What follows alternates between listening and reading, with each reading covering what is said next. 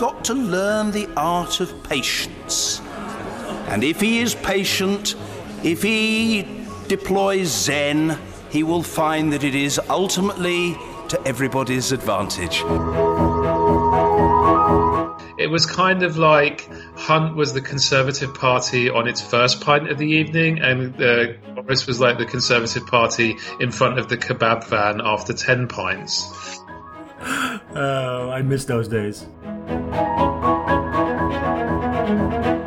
If there's one important lesson to learn from Boris Johnson's career, it's that you can learn no important lessons at all about how Boris Johnson will behave from how he's behaved in the past.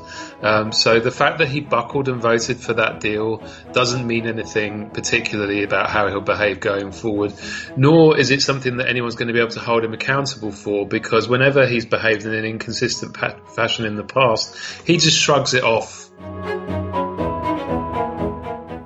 Hi everyone, welcome to the podcast. My name is Armin Hakhverdian, political scientist at the University of Amsterdam.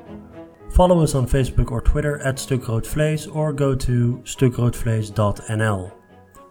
My guest today is, you know, our old pal Rob Ford. There's been major developments in UK politics, as I'm sure you're aware. There's a new prime minister, and uh, we're going to talk Boris and we're going to talk Brexit. Rob is a professor of politics at the University of Manchester you can follow him on Twitter at RobFordMancs. So basically, the whole podcast we talk about the prospects of a uh, Johnson administration, and towards the tail end of the podcast, we relitigate the causes of Brexit because we never get tired of talking about that. So um, yeah, have fun with Rob Ford. Okay, everyone, we're recording this on Friday afternoon. It's one of the hottest days on record in the Netherlands. We broke 40 degrees Celsius yesterday. And um, somehow my guest is caught in an even hotter place, namely the hell that is British politics. Rob, how are you, man? I'm good. I'm good. I'm I'm uh, I'm zen. You're zen. I'm feeling zen. Yeah. I'm uh, I'm finding my emotional center in in preparation for the uh, roller coaster ride in prospect because as as you'll know, I now live on Boris Island. You have a new prime minister. Yes, yes. So, um, yeah, we, we, we have to talk about, of course, um, what that actually means in terms of policy as well, rather than just, uh, you know, you have a bumbling. Um... Policy? Are you familiar with Boris Johnson? Well, let's, uh, if we may, where we left off last time was the leadership campaign was still um, in its infancy. There were still many candidates. That got dwindled down to two um, Hunt and Johnson. Uh, Johnson obviously won. He got uh, two thirds of the vote of the Conservative membership. Did you learn anything during that, let's say, latter half of the campaign where it's only Hunt versus Johnson It might be an indicator of what's to come? And I'm not talking about vague stuff like, you know, energize or unify the country. I'm talking about policy and in particular with regard to Brexit. Yeah, I I learned that my my bet on Jeremy Hunt a few years ago as a dark horse was a pretty good one because he had quite an effective campaign, and I think if the Conservative Party membership uh, wasn't such uh, a very uh, emotionally heated group of people as it is right now, then he would have been in with a very big shout. But they, they didn't really want to listen to the message that he had. And Boris was giving them what they want, which is the second thing that I've learned, which is Johnson clearly has in mind a very confrontational strategy. I mean, the expectation that everybody had for the campaign was that he would leave himself at least some wiggle room for the negotiations to come. But he didn't at all. Like he repeatedly, over and over again, he was saying things like, we will leave on the 31st of October. Do or die was the phrase he used, uh, more than once, I believe. Um, right. and, you know, he made clear that he wasn't going to rule out no deal. He made clear that he wasn't going to rule out this proroguing parliament business, this kind of Brexit temporary dictatorship wizard scheme that him and the hard Brexiteers have come up with. So, you know, this was very much, um, I will get us out of the EU by any means necessary, even if it means major chaos and disruption. So that's kind of the mandate. That, that's you know that's the campaign he ran, and that's the mandate he's come into office with, or feels he's come into office with. And what was the alternative that Hunt offered that ultimately was unsuccessful? Um, well, the, the, the Hunt message was kind of what Boris said, but slightly less crazy. So you know, I will leave myself a little bit of wiggle room. Um, I will acknowledge the realities of the negotiation uh, and that some of this is complicated. And I will occasionally indicate that a no deal Brexit might be an outcome that we'd like to avoid. Um, so it was, yeah, it was kind of like Hunt was the Conservative Party on its first pint of the evening, and uh, was like the Conservative Party in front of the kebab van after ten pints. right. Uh, I miss those days. Um, but the uh, Johnson, um, of course, the, the third iteration of the withdrawal agreement that May put in front of um, the House of Commons, he voted uh, in favor of it. Yes, yes, he did. Is there is there any meaning to that at all in the current, let's say, iteration that we're in now, or is this all water under the bridge? I mean, it he he budged. Well, I think if there's, if there's one important lesson to learn from Boris Johnson's career, it's that you can learn no important lessons at all about how Boris Johnson will behave from how he's behaved in the past. Um, so the fact that he buckled and voted for that deal doesn't mean anything particularly about how he'll behave going forward, nor is it something that anyone's going to be able to hold him accountable for because whenever he's behaved in an inconsistent pa- fashion in the past, he just shrugs it off um, you know, inconsistency is kind of like an operating feature of Johnson as a politician. So I don't think it's very easy to pin on him. And I don't think it tells us very much about how he behaved going forward. I guess the one thing it does tell us is if he perceives a strategic advantage, a short run strategic advantage in doing a deal, then he probably will. Um, but given that what he said is he won't accept any deal that doesn't chuck the backstop completely in the bin before October the 31st. And there is, as far as I know, not a single person who holds any office of worth anywhere in the EU who has shown any indication that they will ever accept a deal on yeah. those terms. Then, well, it doesn't really look like that particular, um, you know, balloon is going to fly. Well, um, Rob, I mean, you're yeah, you're you're forgetting one big thing that a Dutch journalist here brought up a couple of days ago. Uh, in a uh, his name is Jort Kelder. The Dutch uh, the Dutch audience will know him. Uh, an evening talk show. Uh, Boris Johnson has charm. is that what's the Dutch word for what Boris Johnson has? Because charm isn't the English word for it. and as as we all know, charm is the fuel on which the, the Brussels bureaucracy runs. Yeah, I, they love it. I, I can see Ursula von der Leyen and Lagarde and I don't know who else, Rutte, Macron. You know, you know what? Yeah, let's let's throw Ireland under the bus because Boris Johnson is asking it and stuttering and mumbling in the meantime. We like that. Let's throw Ireland under the bus. I Boris Charm. Johnson has these people are colder than they're colder than a night uh, than a night king. I mean, they they don't care about charm. They care about rules and procedures. I'm, I, am just also struggling to process the idea that charm is something Boris Johnson has. Well, he, he doesn't have charm. He has buffoonery. It's not quite the same thing. Um, that's charming if you're a buffoon. Well, anyway, uh, charming yeah. other buffoon, I guess. Um, which so you don't think you don't think charm is his magic uh, his magic well, key key to to getting rid of the bright backstop? I suppose when the comparator is Theresa May, he has charm, but then there are pieces of IKEA furniture I own that have charm compared to Theresa May. Um, so, you know, he, he will be a breath of fresh air compared to negotiating with a woman who just sat there and stared at you. poor, um, poor, poor May can take a break, even well, she, being compared to a piece of furniture.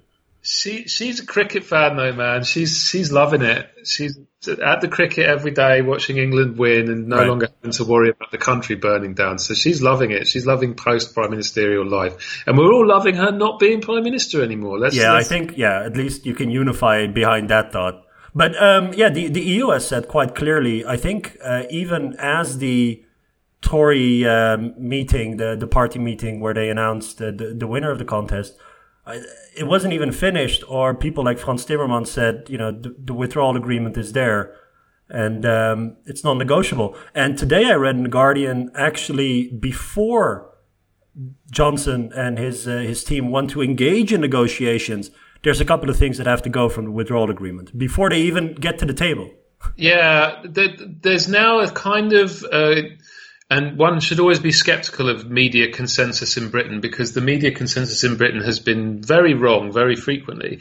But the emerging consensus here uh, amongst the sort of Westminster whisperers is that this is a deliberate strategy.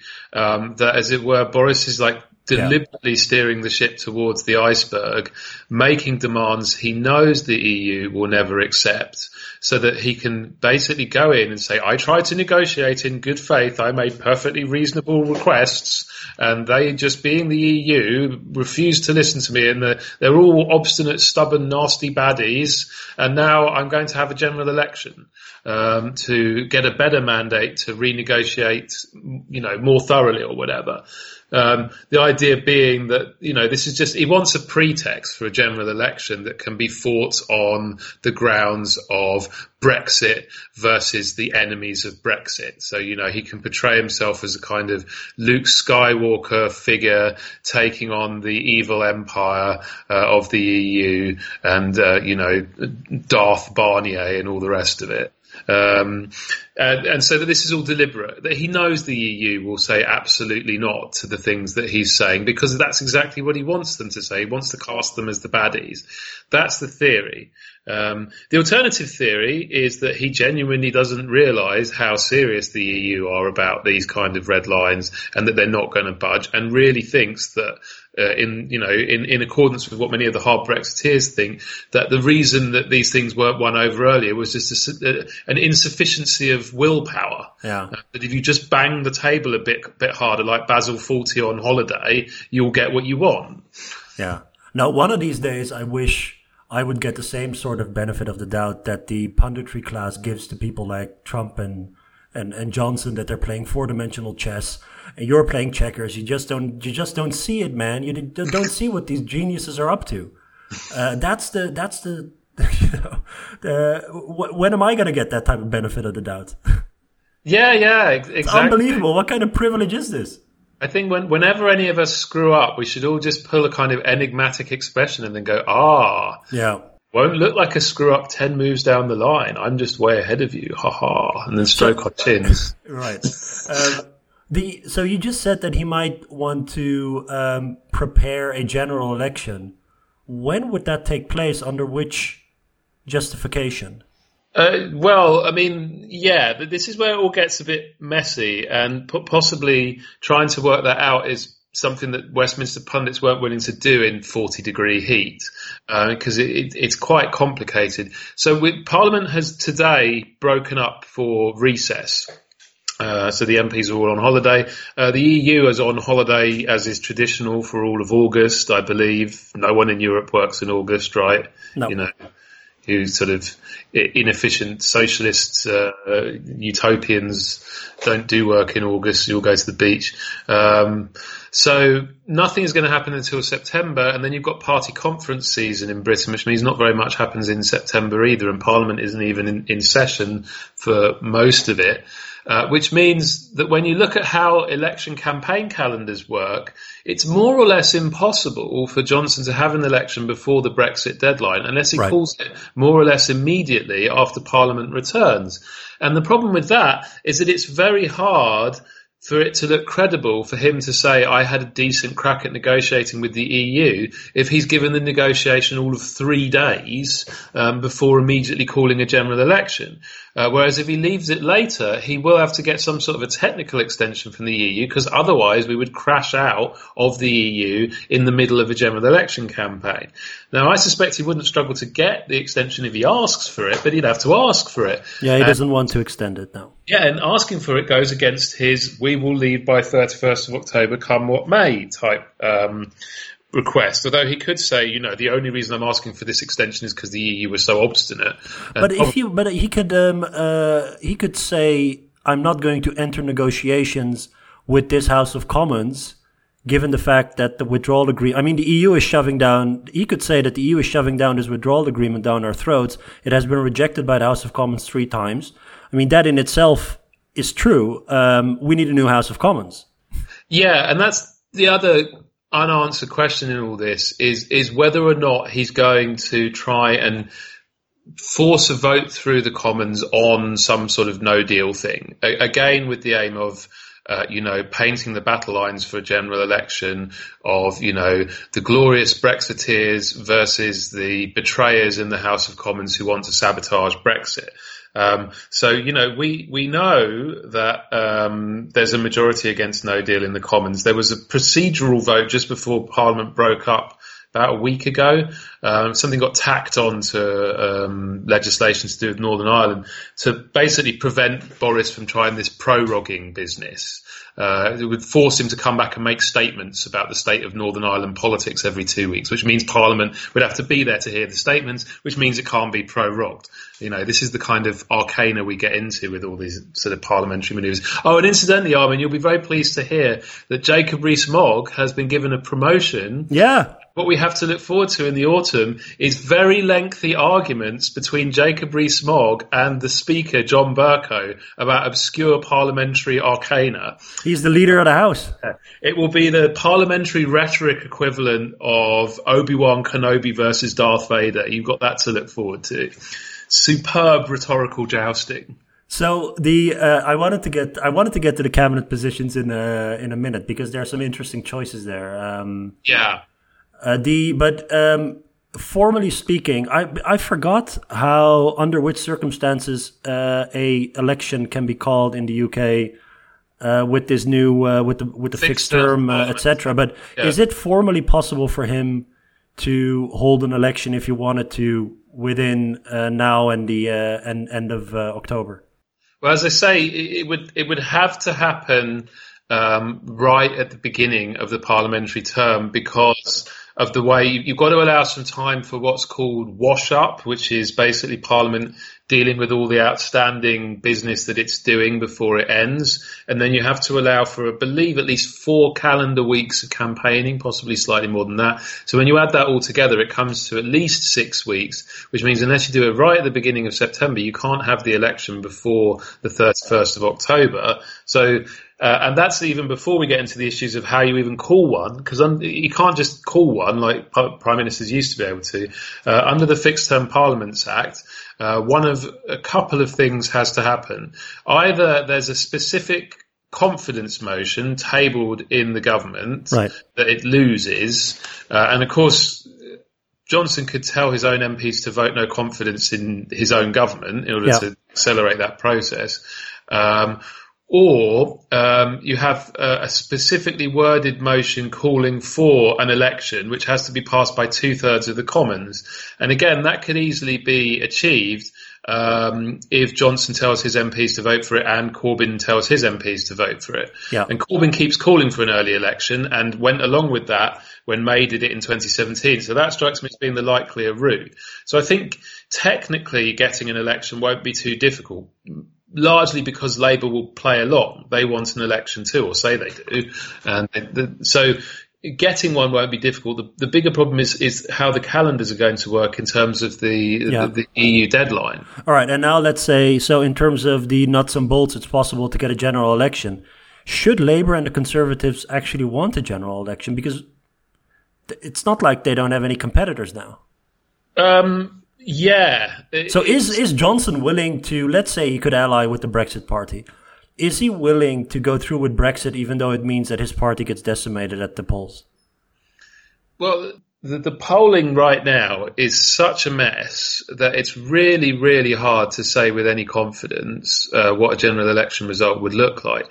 It's very unlikely, I think, that there would be a formal alliance between the Conservatives and the Brexit Party, but Johnson's like embrace of a sort of no deal um, chest beating strategy might either result in the Brexit Party standing candidates down in strategically important seats because right. they see Johnson as basically delivering what they want, or it could result in, in Johnson squeezing the Brexit Party vote anyway. But that's not the only direction in which Conservatives are losing votes. You know, 30% of their vote or there or thereabouts in 2017 came from Remain voters, and a lot of those voters are concentrated in conservative held seats where the Liberal Democrats are the main opposition. Yeah. Um, so, you know, the, the, the, Conservatives could easily halve the Brexit Party's current 20% of the vote and still end up with a net loss of seats because they lose 30 or 40 seats to the Liberal Democrats by losing a whole bunch of Remain voters. And then even if Johnson managed to pick up a bunch of seats from Labour uh, because they lose votes to the Brexit Party too, um, they still end up in a worse position than they are right now. Uh, and he's still got a parliament that's not going to pass anything, and the whole thing will look like a total waste of time. That's the problem. Alternatively, you could end up with a situation where, say, the Conservatives manage to squeeze some of the Brexit Party vote, and so they end up at about 30, 35% uh, in the general election. And the leakage of Labour to the Liberal Democrats is so significant that Labour end up on, say, 25 and the Lib Dems on 20. And that split ends up delivering lots and lots of seats to the Conservatives, um, because in that situation, it all comes down to how you know the, the straws fall geographically under our wonderful first past the post system. So the Conservatives could get 35% of the vote and end up with a major majority in Parliament because the vote of the other parties is not well distributed. Uh, that's also possible. So, you know, Johnson would be calling an election knowing that it's it's possible that he ends up in a worse position than May was in the 2017 election, or that he ends up with a substantial majority. And it's very, very hard to know uh, from the current polling, even if the polling didn't change, which of those would be more likely. Right, but is it is it also uh, possible that the reverse might happen, or let's say what happened in Peterborough, that it's the Brexit vote that gets split which allows a Remain uh, MP, whether from Labour or from the Lib Dems, to to win, and that in the end it becomes a catastrophic miscalculation, and that the House of Commons becomes firmly Remain. Yes, yeah, that's that's also um, plausible. It's also uh, uh, quite possible. Uh, I mean, if we imagine that, like the Labour vote in Labour Leave seats is really tribally Labour, and they're just not willing to vote for Johnson, even though they agree with his Brexit strategy. Whereas the Tory Remain vote proves to be not very tribal and goes very heavily to the Lib Dems. Then you might end up with a parliament where you know essentially three Remain parties, Labour, the Liberal Democrats, and the SNP, have a substantial majority between them because they make a net pickup of 50, 60, 70 seats uh, or more divided uh, between them, with voters just going for whichever is the most most locally viable um, Remain party. I mean, that's the other thing is people forget that May won a whole bunch of seats in Scotland, uh, and that both Boris Johnson personally and no deal Brexit as a policy are extremely unpopular in Scotland. So all of those seats are immediately up for grabs as well. Yeah. Um, so yeah, you're quite right. You know, it's not just that they could end up with another hung parliament but still be the largest party or they could end up with a majority. They could equally end up uh, being chucked out of office altogether and there being a substantial, uh, probably remain majority in parliament. I say probably remain because it's still not entirely clear what Labour would do in that situation if they won. Yeah. right. The uh, I wish there was an electoral system which just translated preferences into seats kind of proportionally. You know, without all this district stuff and without all the uncertainty about where the straws are going to fall. Just Yeah. a translation of uh, you know votes into seats. Yeah, if if there was some way of proportionally representing what people wanted in Parliament, It yeah. must be. It must be impossible. I, I have no. Yeah. I- It's maybe we're asking for the seduction impo- of Yeah. this. It's just, I mean, it's a nice dream, but let's face it, I don't think anyone could possibly implement such an idea. It's too complicated. Yeah. Okay. Stick Let's to forget the it. Yeah. nice, simple system we have right now, but everyone understands it. Everyone knows what it means. All right, let's go back to Johnson and the cabinet. So um, he, um, in his um, uh, acceptance speech, the short one, there's a Yeah. couple of um, moments that struck me as um, remarkable, uh, which were greeted by the audience with with silence. By the way, uh, he had his. Um, he had his acronym of, uh, you know, his, his goals were to uh, deliver Brexit, to unify the country, and to defeat Jeremy Corbyn, which spells out dud. Okay, fine. But actually, it spells out bud. Deliver Brexit. Ah, It's the yeah. Hang on. Uh, and then he said, "Well, you know, we are we are actually going to add a fourth letter, uh, the E for energize. So it's going to be dude, so and yeah, he's, he's going to put the gov- the country on E. he's going to put the, yeah. And I mean, how are you going to deliver Brexit and unify the country? The, I mean, like even by the standards of political slogans, that strikes me as one of the more ludicrously unrealistic things to claim in one breath. Uh, you can deliver Brexit, or you can unify the country. you can't do both. In fact, well, forget sure. about unifying the country. What about unifying the party? Yeah, he can't even do that. And that's already become clear less than 48 hours into the Johnson presidency. Because do you remember um, one of the minor characters from the big cast of Brexit eccentrics that we've discussed over recent months, Armin? Self styled Brexit Spartan Steve Baker? Was he the one with the Spartacus speech? Yes, the one with the Spartacus speech, the one who resembles a very disgruntled accountant. Some man with major economic grievances. Yeah, he's one of those people who seems like a walking parody. Um, and he was offered a job in the Johnson administration uh, in the Brexit department. And you think, well, it's a pretty good fit given that he's obsessed with Brexit. Um, but he said no. And he said no because he felt that he wouldn't have any power in that job and he doesn't trust the Johnson administration and he has a lot more influence on the backbenches. And that's a pretty worrying development if you're Boris Johnson because evidently, sorry, that's my coffee machine. It gets upset when I mention Steve Baker.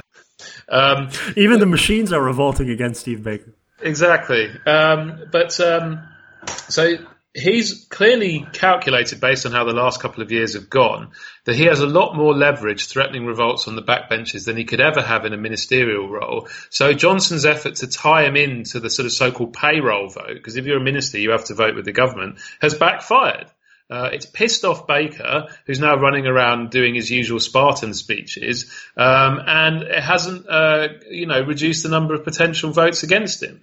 Uh, if anything, it's intensified the distrust of the people who are most likely to vote against him, who now have a natural leader. Um, not, not least because their other natural leader, as we mentioned earlier on, Jacob Rees-Mogg, has now joined the government. Uh, yes. Uh, so he won't be voting against the government. Uh, so just to be clear, uh, because because this cabinet of yours is not as many many cabinets around around the world. It's not just the executive. There's also people in the cabinet who are not in charge of a government department, but are either um, char- they're charged with other duties, and one of them is Jacob Rees-Mogg is going to be the leader of the House of Commons, which basically means he's conducting government business in the House of Commons. Yeah, so yeah. Sort of a yeah. legislative liaison because the Dutch part, the Dutch cabinet is, you know, the, the ministers and the junior ministers. They're all in the executive branch. They're all heading a department or some subsection of a department. Yeah. Um, I mean, most ministers fit that description, but there yeah. are a few ones like the leader of the House of Commons who are like, you know, more to do with legislative management and legislative relations and so on and so forth. And Michael are, Gove has, has a job like this too now, right? Yeah, yeah. He's Chancellor of the Duchy of Lancashire, um, which is a. Does he get to wear a robe? I'm sure he does. I'm sure that was one of the attractions. Enter the House of Commons on a horse. I, I, hope so. Uh, I'd love to see that. Um, but th- that's one of those weird, arcane, meaningless jobs that exist in the government that, that, they basically give to people they think should be sort of making decisions or helping out. And what I understand is he, he was given a task of preparing for a no deal Brexit, right? Yeah, yeah. He's been called the no deal Brexit fixer. So right. I guess the idea is that, you know, he wanders from department to department like Tony Soprano on his rounds, has a little espresso, talks to the minister, makes sure everything's going along and, you know, makes a few threats to prod them in the direction of preparing properly and so forth. So he's kind of like a roving brief, I guess. All right, let's talk about the the the the, the top job. So you have Johnson obviously as PM. Then yeah. um, let's go through them. Who are yeah. the main Who are the main characters? Well, Chancellor, the new Chancellor is Sajid Javid, uh, aka the Saj. That's yes. tells his staff to call him. Uh, who is um, basically, I think there's basically no one left in Britain who doesn't know that he is in fact the son of a Pakistani bus driver who arrived in Britain with two pounds in his pocket. Um, so big, a big story in terms of ethnic minority representation. First ever ethnic minority chancellor. He was also the first ever ethnic minority home secretary, uh, and he's handed over to Priti Patel, who is now the second ever ethnic minority home secretary, and whose return to a top tier job is quite remarkable both because number one, she is very much on the sort of extreme right of the Conservative Party on both social and economic issues. She's like a super socially conservative Thatcherite.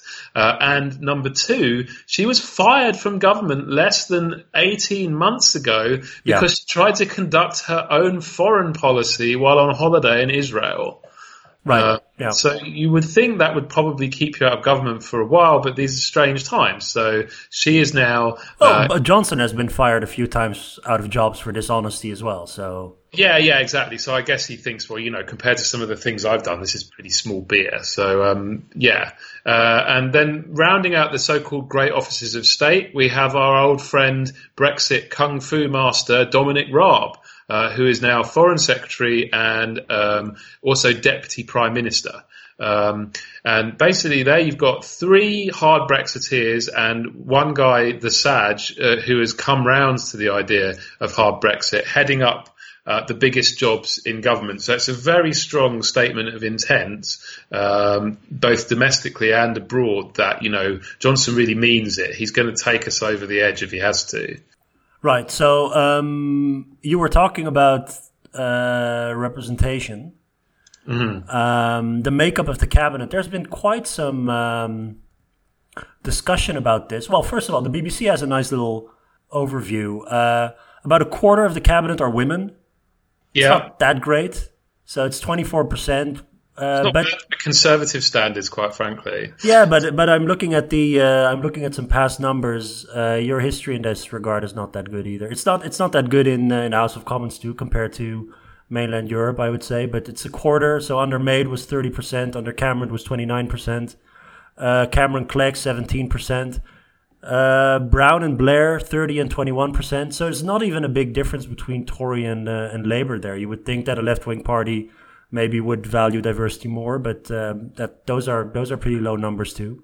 So yeah. that's not really representative, I would say, at least not of the electorate. Um, then you have the minority background stuff where, yeah, you mentioned a few that in terms of, you know, who they are might be diverse in terms of the policies that they embrace of course it goes very much against the interests of some of the people that you were talking about this pakistani bus driver etc i mean there's an interesting tweet uh, that i want to read out for uh, for our listeners um, they might remember uh, Akwugo Emejulu was a sociology professor I spoke to a few weeks ago, and she tweeted, um, "You know, please note that you're being trolled about diversity with this cabinet. The politics of representation has always been about more than bodies. It's a struggle for another possible world. If folks are really inspired by the children of immigrants who support immigration and austerity policies, uh, policies that are actually efface their personal histories, well, then you're looking to be bamboozled. And um, there's one there's one tweet that's even that's even uh, that goes further by a journalist named uh, Ash Sarkar. The ah, ascendance of uh, Priti Patel and Sa- uh, Sajid uh, Javid to positions of power is only a sign of progress if you see tokenism in which people of color must assimilate to oppressive ideologies in return for representation itself as progressive. I don't. Now there's this there's this age old debate about descriptive representation, uh, whether or not the presence, you know, the mere presence of people uh, from minority backgrounds and and of and of uh, you know is is enough, or whether that's a means to an end. Um, I'm sure that it is symbolically important to some degree. Uh, however, having someone like Priti Patel in cabinet, I don't see how that advances the substantive interest of, let's say, women of color who work in precarious jobs or who deal with racism and discrimination every day, um, just because she looks like them. Well, yeah, I mean that, and that's that's absolutely true. Uh, on the other hand, I do think it's there are two problems with an argument that basically dismisses uh, a cabinet, which incidentally has more ethnic minority members than all British cabinets put together for the yes. rest of our history. Right, combined, yeah. Five ethnic minority people around that table, which is more than was true for the entirety of the Blair Brown Labour governments. Yep. Uh, there are t- two issues I have with arguments like the ones you've just laid out. The first is it's rather personally offensive, I think, to people like Sajid Javid, Alok Sharma, um, Priti Patel, who have risen through a party where they have almost certainly faced a great deal of discrimination in order to get to where they are. To dismiss their achievements as tokenism strikes me as at best insensitive, um, uh, at worst really rather nasty, and secondly, the, the, the underlying presumption of people like that, both of the people you've named are clearly very active on the left, is that their argument that ethnic minorities need more representation is actually an argument that is really more like ethnic minorities who share my politics need more representation. Um, that, you know, this isn't actually an argument about making politics more representative of society. It's a pretext uh, for actually looking to promote people who share your political interests. And I have to say, I just don't agree with that way of thinking. I think you're then undermining the case for representation at the highest levels of society when if as soon as such representation is achieved you dismiss it because what it looks like is you're being a partisan hypocrite you're saying oh we need more uh, black and Asian faces around the top tables. And then when you get some, you go, oh, no, no, not those ones. Those are the bad ones. My um, interpretation of this sort of stuff, you know, being a uh, person of color myself, um, not that that's any argument, but still, um, is that the argument to have representation based on something like ethnicity, but uh, descriptive representation, the argument is not that anyone from a ethnic minority background will do. It's not about purely about who they are. I'm I have a purely instrumental view of descriptive representation in that the chances of the interests of people being served are higher when they are served, at least in part, by people who have direct experiences of what they're talking about. This doesn't only apply to, to ethnicity. It goes for gender, sexual orientation. It also goes for, you know, uh, health, uh, and, and, and abilities and disabilities. Um, that a parliament which consists only of men will make very different decisions based on, let's say, something like maternity care or about reproductive rights uh, than a cabinet which has a large female uh, representation in it. That doesn't mean that any uh, woman is going to champion the causes of women. So I think the sometimes the argument that people in favor of descriptive representation have sometimes that is perverted into saying, well, you wanted to, you wanted women. Here are the women, and now they don't do what you want, and you're against it. It's the argument isn't any woman would do. Yeah, of course, Armin. I, I, completely agree. But I think that, that sometimes people are a little bit more uncharitable about the actions of some of these top tier ethnic minority conservatives, for example, than they would be about ethnic minority politicians if they happen to have a Labour badge on them. So to take the Saj, for example, who's now the highest ranking ethnic minority popula- uh, politician in the country, uh, he spoke at great length about his own personal experiences of racism uh, on national TV and radio. He wasn't in the Home Office very long, but he immediately reversed some of the things that Theresa May had been doing there. Uh, and while he was campaigning to be Conservative leader, live on TV, bounced all of his colleagues into a commitment to have an independent review on Islamophobia. Now, one of the reasons none of them felt they could say no to him on that live TV interview is precisely because of his background. So right. I think it's if you have an ethnic minority politician who does absolutely nothing to advance the causes uh, of substantive representation, then of course you can criticize them on those grounds. What I dislike sometimes is that people are prejudging whether these individuals, now they're in positions of power, will or will not advance these agenda. They just assume that because these are politicians from a different party who won't necessarily do things in exactly the way that they prefer, that that's it. That therefore they're, they're you know they're no use uh, on the grounds of, of substantive representation. I would prefer to just leave the jury out and see how things go. Uh, I mean, right, I but someone like Priti Patel is not. It's not. She's not a novice. There's a record on her. Yeah, I mean, she hasn't been great, and I, I, I, wouldn't be necessarily as optimistic about her as I would be about, say, uh, the possibilities of, of Javid achieving something useful on that front, or you know, um, Rishi Sunak, or uh, so forth. Um, but you know, let's not prejudge is the only thing I'm saying, and let's not prejudge on partisan grounds because it does look a bit hypocritical to say, even before they've even tried to do anything, to dismiss their presence there as, as, as inherently failing because they're from the wrong party. You know, let's wait and see. Um, also, I I do think the symbolism does matter to some extent. Oh yeah, I, I, uh, for sure. I, I mean, I, I agree with that. I think it's important for people to see when they when they flick on their TV and they might happen to watch the news and they see debate in the House of Commons that actually not everyone's a you know elderly white male or a middle aged white Yeah, male. I think that's important. Um, so the uh, a couple of other stuff, uh, the education background of the cabinet. Um, you know, it's pretty much uh, same old. Um, although there are um, a lot of um, privately educated uh, individuals, sixty-four percent. Yeah, Uh, that's more than May, but that's not uh, that's not out of the ordinary compared to other conservative cabinets. The uh, so Brown and Blair had uh, about thirty-two. Johnson has sixty-four percent. It's about the same as the Cameron Clegg um, cabinet. Uh, Oxbridge, what do you think? Well, it'll be very Oxbridge. I mean, every cabinet ever is very Oxbridge. Um, I mean, I, I know that uh, diploma, d- democracy diploma executives, this is something of a pet issue for you, I believe. Yeah, Owen. yeah, it is. Yeah, yeah. lovely articles on it. And I, I, I do think it is something of an issue given how big the education divide is uh, over Brexit and Brexit attitudes. Um, that essentially, in terms of educational background, you know, uh, the top tier of our politics is still entirely dominated um, by people who have a very elite university, and not just university, but top elite university background. Forty-eight percent.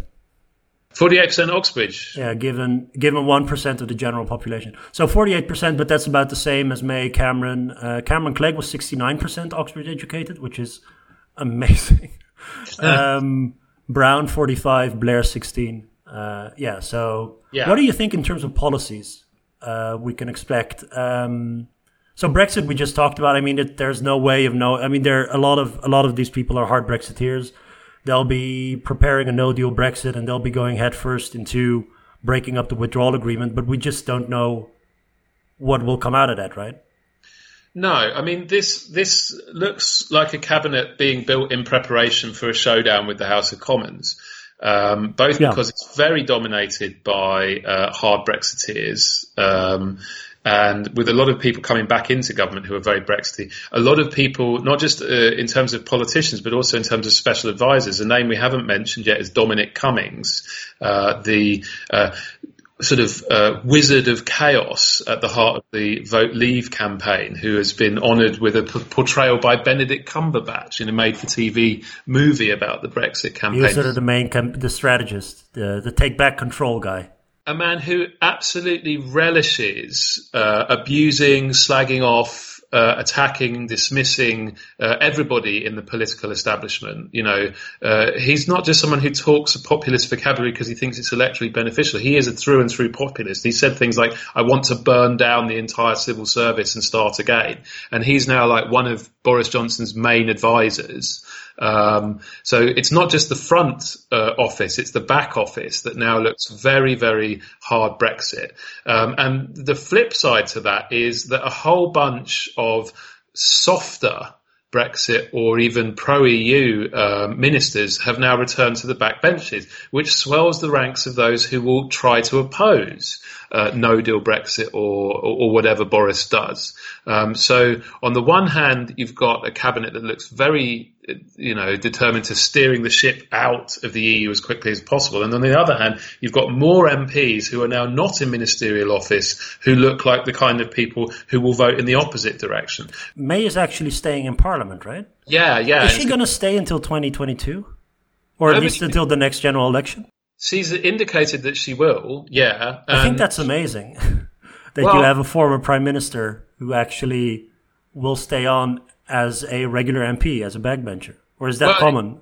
It happened. The, I think the last time it happened was with Ted Heath, uh, who after Thatcher took his job, spent about 15 years sat in the Commons, and every week when Thatcher did Prime Minister's questions, he sat like two rows back and just glowered at her. But like apparently didn't speak to her again, but would turn up every week to like sit with his arms folded and sort of give her like a death stare. Um, I wonder if May's looking to cast herself in a similar role, um, basically uh, being in the Commons uh, as a kind of symbolic rallying point uh, for uh, those who feel that the people who sabotaged her premiership are now running the show. So you know, you've got her, you've got Philip Hammond, who has already indicated some relish for the role of leading the charge against Boris Johnson. Right. You've got Rory Stewart, the uh, hiking, animal loving, old Etonian um, Afghan warlord figure um, who's now back on the backbenches and indicated he's going to do everything he can uh, to stop no deal Brexit. Several other ministers too. David Gauke is another one. Um, so there's a, a substantial cohort of May era former ministers who joined the existing serial backbench rebels like Dominic Grieve and so forth. And like I say, what it looks like is rather than trying to prevent conflict from day one, Boris seems to be trying to, you know, have the, the, the great big clash, the two big clashes, the clash of the EU and the clash of the Commons as early as possible. And all of that, in my mind, points towards an, an early general election. Um, because if he tries to, to, to, confront the Commons head on, he won't have the votes, he won't have a majority. So then what does he do? The only move available uh, is, is an early election. Yeah. So I think it's worth um, remembering people about the, let's say, this, this idea of the Brexit trilemma that yeah. we talked about before. That's still uh, as valid as it ever was. So our colleague Dan Kelemen reposted this uh, a few days ago. So basically, it means if you have a Venn diagram with three promises, the first promise to leave the single market and the common uh, and the customs union. The second promise that there will that the United Kingdom will stay united, so no um, border between Northern Ireland and Britain. And then the third promise that there will be no hard border between Ireland and Northern Ireland there is no solution which can satisfy all three of them. So Boris Johnson has made all these three promises, just as May did, and there's just simply no way out without pissing off one of the parties that you need in order to get a majority. That is still in place. So, you know, with this House of Commons, there's no change whatsoever to this particular tri- trilemma, right? Am I understanding this right? No, no, nothing has changed in that regard. It's fairly obvious that Boris um, and his supporters regard the, the, first of those three things as far more important than the other two. Right. Um, what's less clear is who uh, they're going to throw under the bus in order to achieve number one, and, and how they're going to do it. Yeah. Uh, you know, if they had, you mean, if they had the House of Commons majority to uh, put a hard border in Ireland, they would do so in an instance. I'm not sure that's necessarily what they do. They might put a border in the Irish Sea, which screws the DUP. And, you know, if they had a Conservatives only majority, then they wouldn't necessarily have to worry about DUP objections about that. Right.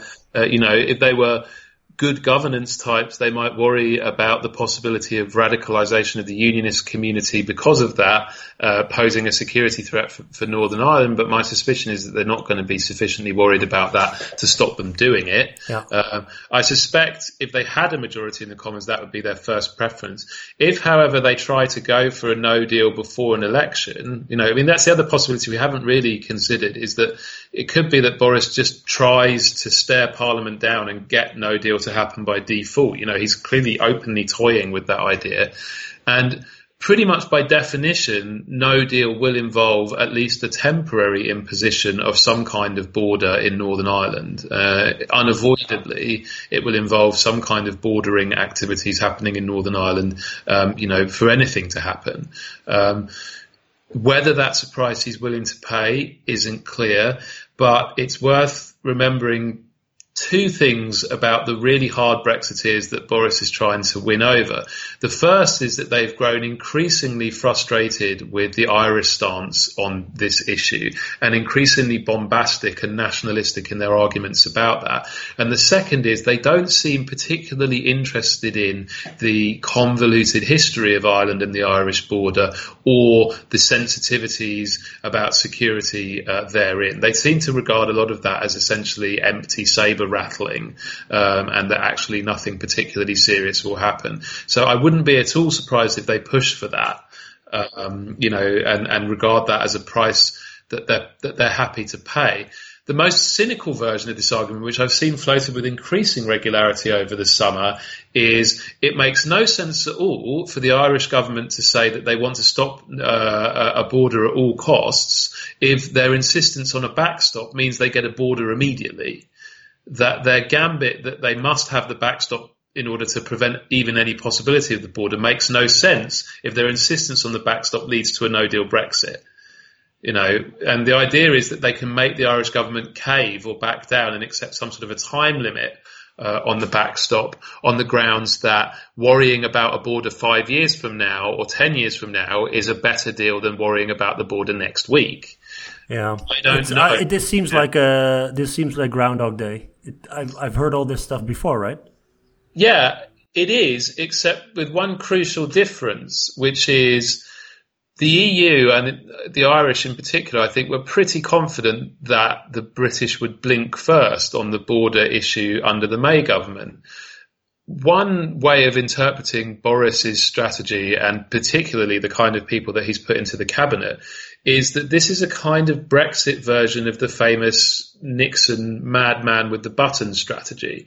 That essentially they're trying to send a signal to the EU that no, they really are the madmen with the button and they really will go through with this outcome that everybody really hates because they feel they have no choice. You don't want to aggravate the madman with the button, so you best give him what he wants.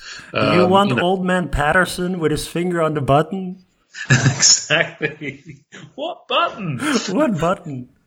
Um, hey, so there's one final thing I wanted to discuss with you. Um, this is something you posted on Twitter.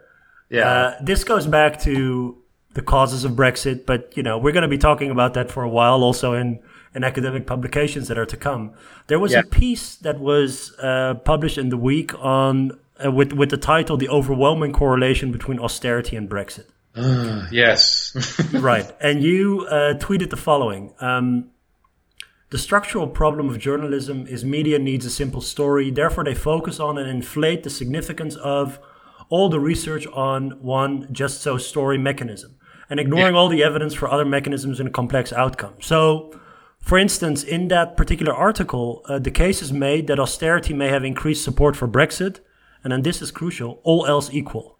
Yeah. That is not the same as claiming austerity caused Brexit. No.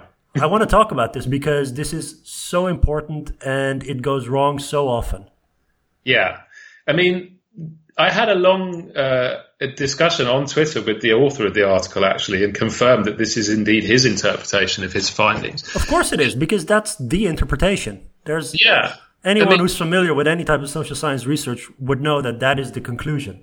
Yeah, and he's very he's very careful to explain it in those terms. But media really struggle with this idea. All right, explain explain your frustration. So the Brexit vote, as we know, was 52-48, you know, and it was millions and millions and millions of votes.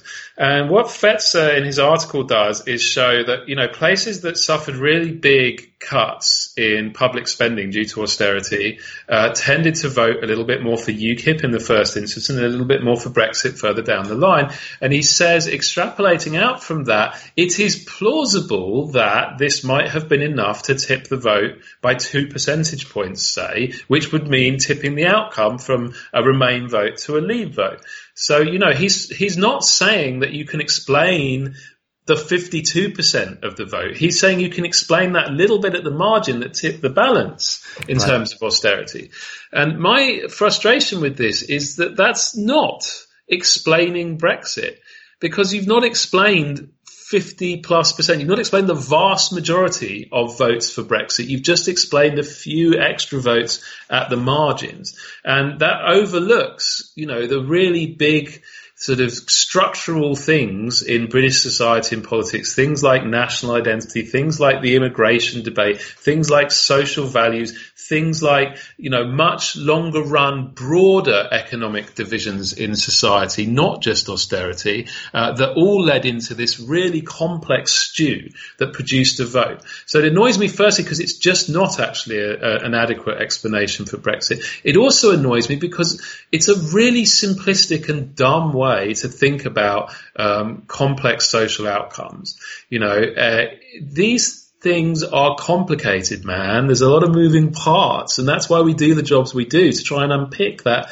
complexity. And it's very frustrating when journalists run with one particular sort of compelling, and I understand why they do it. You know, they love stories. You know, that's what their that's their business, and they love stories that readers will find interesting and engaging, and they run with them. But they end up misrepresenting the reality that they're telling stories about in a really fundamental way, and often that misrepresentation has an ideological tinge to it. So why is it that this story about austerity causing Brexit has appeared all over one particular part of the British press, and which part? The left wing part, because that's a wonderful just so story story if you're a British left winger. These evil Tories with their evil austerity, they're the ones that made Brexit happen. There were no other fundamental issues. It was just because of Tory baddies doing bad things. You know, that's a lovely story to tell because it fits with all of your kind of existing uh, ideological beliefs about the world. But it's just not true. You know, it's very neat, but it's just not true in the sense of it's not the whole story, even by a long chalk. Let's let because you you continue your uh, uh, your rant. thread. It's not it's not a rant. I mean, by your standards, this is not a rant, Rob. On Twitter, it's not a rant. so it says if we look at the uh, British election study, for for example, measures of economic experience, so that means economic insecurity, income perception of uh, perceptions of the national situation are very weak predictors of support for Brexit. And this one, this this particular part's interesting too. Maybe you know even more so than than what came before. Support for Brexit is lower among those who oppose austerity. Yeah, and this provides me with a nice opportunity to, to do some free marketing for my forthcoming book, Brexit Land, which will be available next year in all good bookstores and very competitively priced. So please, uh, listeners, uh, yeah. consider adding that to your 2020 reading list. I, am uh, going to plug that. I'm going to plug that, of course, ad nauseum. Uh, I, would like to remind you that during our first Brexit podcast, about half, an, half, half a year ago, you said exactly the same thing, and it was going to be published in the fall. Yeah, so, yeah. It's the great moving deadline, but yes. it's genuinely nearly finished now. It's like Brexit itself. Yeah, that, that was one of the things I was referring to in those tweets. Yeah, like Brexit itself, I keep having to ask for uh, Article 50 extensions. Um, but that was one of the things I was referring to to that tweet. So we have a chapter in the book looking at the, the drivers of the Brexit vote and how different they are to the drivers of general election votes. Um, so, you know, in, in Britain still, um, economic factors, uh, class, income, economic insecurity, judgments of the government's economic record, they're very strong predictors of how people vote. You know, if you're poorer, less secure, you're not happy with the government's record, you vote for the opposition, you vote for Labour and so forth. If you're privileged, secure, well off, happy with how things are going, you vote for the incumbent Conservative government. Brexit looks nothing like that. Um, Brexit's choices are structured very, very strongly not by income or class or views of the economy, but by. Oh, I know, I know. By what? Education. Yes, man, it's education and age and yeah. views about national identity and views about immigration. And you plug those things in, and all of the economic effects, which are weak to start with, just completely wash out. And indeed, one of the only economic effects that's left that remains significant in that is views of austerity. But the direction of the relationship is the opposite to the one that people saying austerity call Brexit predict. In fact, what we find is that when you control for everything else about them, people who approved most of the government's austerity were the ones who also voted for Brexit, which is because they tend to be people who think that austerity hit. I mean, it's, it's to do not really much with their economic ideology and more to do with their views of outgroups. So, you know, there's been a long standing narrative in Britain to portray welfare claimants negatively as lazy, as feckless, as scroungers, and often there is a racial or migration uh, overtone yeah, to that, with stories about migrant families living in great big houses at the taxpayer expense and all that kind yep. of thing. So when you have a vote like Brexit, which is very structured by identity grounds, by people's views about us against them, then the austerity debate on that sort of framing is what ends up influencing their judgments. And again, coming back to the just so narratives, traditional left wingers find it very difficult to understand that people don't just see things like austerity in economic terms. They don't just see people on welfare as the deserving poor. That very often they see them as a threatening outgroup as undeserving and nasty or criminal and so on and so forth. Um, because again, it just really doesn't fit with their worldview. So they just, you know, would, would quite happily uh, marginalize or ignore that complexity of the world. And by doing so, they end up misleading themselves. Yeah, th- yeah. I mean, the, to come back to the uh, original, um, let's say, frustration you had with that particular headline. Um, oftentimes, we have particular explanations for something that turn out to be one of potentially many explanations. I mean, if we're lucky as social scientists, and if we're good enough, and if the data are good enough, and you know everything else, we can make arguments that say, well, all else equal, this particular explanation is going to help us understand the outcome. Yeah. It does not say anything about that being the only explanation. Um, it doesn't even say that it's the most important of the explanations. It just says it's one of the explanations. Exactly. And um, and and also Fetzer. Uh, I don't know about Fetzer. There was another um, article in that in that piece uh, which is about trade open or, or trade with China and, and Brexit. And you, it's also you know you see that in the uh, regions which um, in which the occupational structure of society had changed because of trade shocks. Yeah, um, yeah. and and people's uh, employment uh, had uh, changed because of the underlying sectors had changed because of trade with China. In those regions, the Brexit vote was um, was higher too. That yeah. article does not say that that means that this is the only explanation. It doesn't say it's the most important explanation. It says it is an explanation. It's a factor. It's yeah, a exactly. factor. Yeah, and I think it's really important to keep those apart. Yeah, and and also, I mean, there's there's another great piece of research which I actually failed to um, to quote in that Twitter thread. I wish I had, or, or, maybe I did at the end by Bowler, Carrera, and Carrera. I think, which shows that you can't even separate these things out; they interact with each other. So what the what the Bowler Carrera team showed was that take areas of Britain, the so-called left behind areas, which suffered a lot under Thatcher, post-industrialization, stuff like that, and have done worse since those areas, if you look at like long-term trends in income, that long-term trend of falling behind the rest of the country predicts Brexit in 2016, which again shows that it's not just this short-run stuff of austerity that matters. It's that longer-run experience of being left out of national prosperity. But the mechanism for that is that those places become more inward looking, they become more intolerant, they become more nationalistic. Right. It's not an economic mechanism just. A lot of it is to do with the way that changes how people think of the world. They become more defensive, more inward looking. They're looking for somebody to blame. So even when we're thinking like, is it this factor or is it that factor, we can be misleading ourselves because often these factors wrap up with each other together. Yeah, I mean, I, I bet, yeah.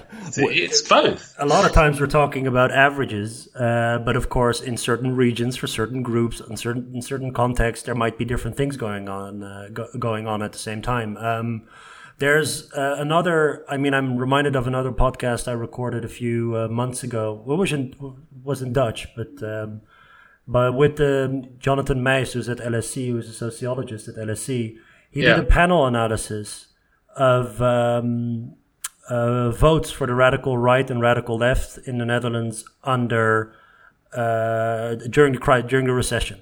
Yeah, and it's uh, panel data. That means track the same individuals over time, mm-hmm. and he looked at individual level changes in income rather than the places people live in. So yeah. when you actually, as an individual, when you when there's a, there's a change in your situation, in your economic situation, what do people do? And obviously, what he found, I mean, I say obviously again, maybe it's not that obvious, but um, that people who experienced income loss during the recession, their attitudes became more egalitarian and they supported the radical left more often. Mm. Uh, there was no link whatsoever between personal income loss and support for the Freedom Party in the Netherlands, the radical right. So, you know, oftentimes we we also make this jump between what happens in places to what happens with people yeah. which yeah. i think in this day and age is unnecessary because we have quite quite some good panel data in which individuals are tracked over time and we can actually say well what happens to a person when something changes not what happens to a place? And i think that's just important to not lose track of the fact that it's actually people who vote. It's not a neighborhood. It's not a it's not a constituency that votes. It's a people it's a you know it's a person that's that's true, but then, uh, and I feel we're, we're disappearing down the the sort of competing effects rabbit hole. I hope that the listeners will bear with us on this. There's a number of papers in, in Britain done by people like the great Ron Johnston that you'll you'll know him, I'm sure, I mean, that, that show that you know that people's perceptions of the economic situation are really influenced by conditions in their local area, the, the, kind of economic perceptions that we know often have a strong uh, effect uh, on voting behaviour. So on the one hand, if you lose your job, um, that's going to have a political effect, and panel data can capture that. But unless panel data also captures where people live, it won't capture the effect of, say, a whole bunch of people in your office or a whole bunch of people in your neighbourhood lose their jobs, and it makes you more uh, feel more insecure. Yep. Uh, those kind of effects can matter too. Oh yeah, of course. I'm, I'm people yeah. can be people can be nested in a particular context. Yeah. Which, it's but it's complicated, man. Um? it's complicated. A lot of ins, a lot of outs. It's, it's very complicated. Um, yeah, but I think the you know uh, the point about um, there's not one cause. It's not even what the author says. Obviously, the author, yeah, it's all else being equal, X causes Y is something very different than I was only caused by X. Yeah, yeah. I or, mean, so that's I think people should really pay attention to to when they translate scientific findings into something that's understandable for a broader audience, which I obviously applaud. But please let's not lose sight of the fact that these are very different things than we're talking about.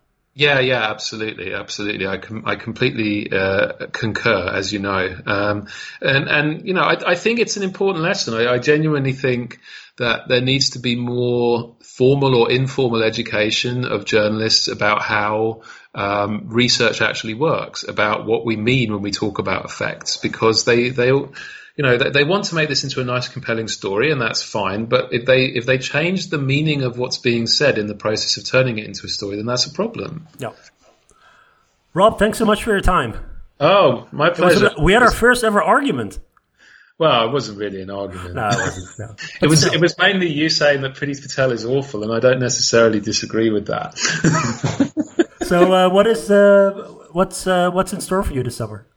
Uh, well, I'm off on holiday shortly. Uh, um, uh, next week off next. This weekend is the, the, the great Ford family cricket match.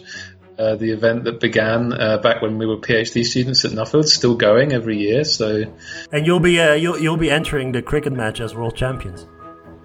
yes, yes, absolutely, absolutely. It's it's a very big confidence boost. All right, so thank you all for listening. Rob can uh, you can follow Rob on Twitter at RobFordMancs. Please follow him because you know he's a great source of information and a good laugh on Twitter as well. Um, see you all next time.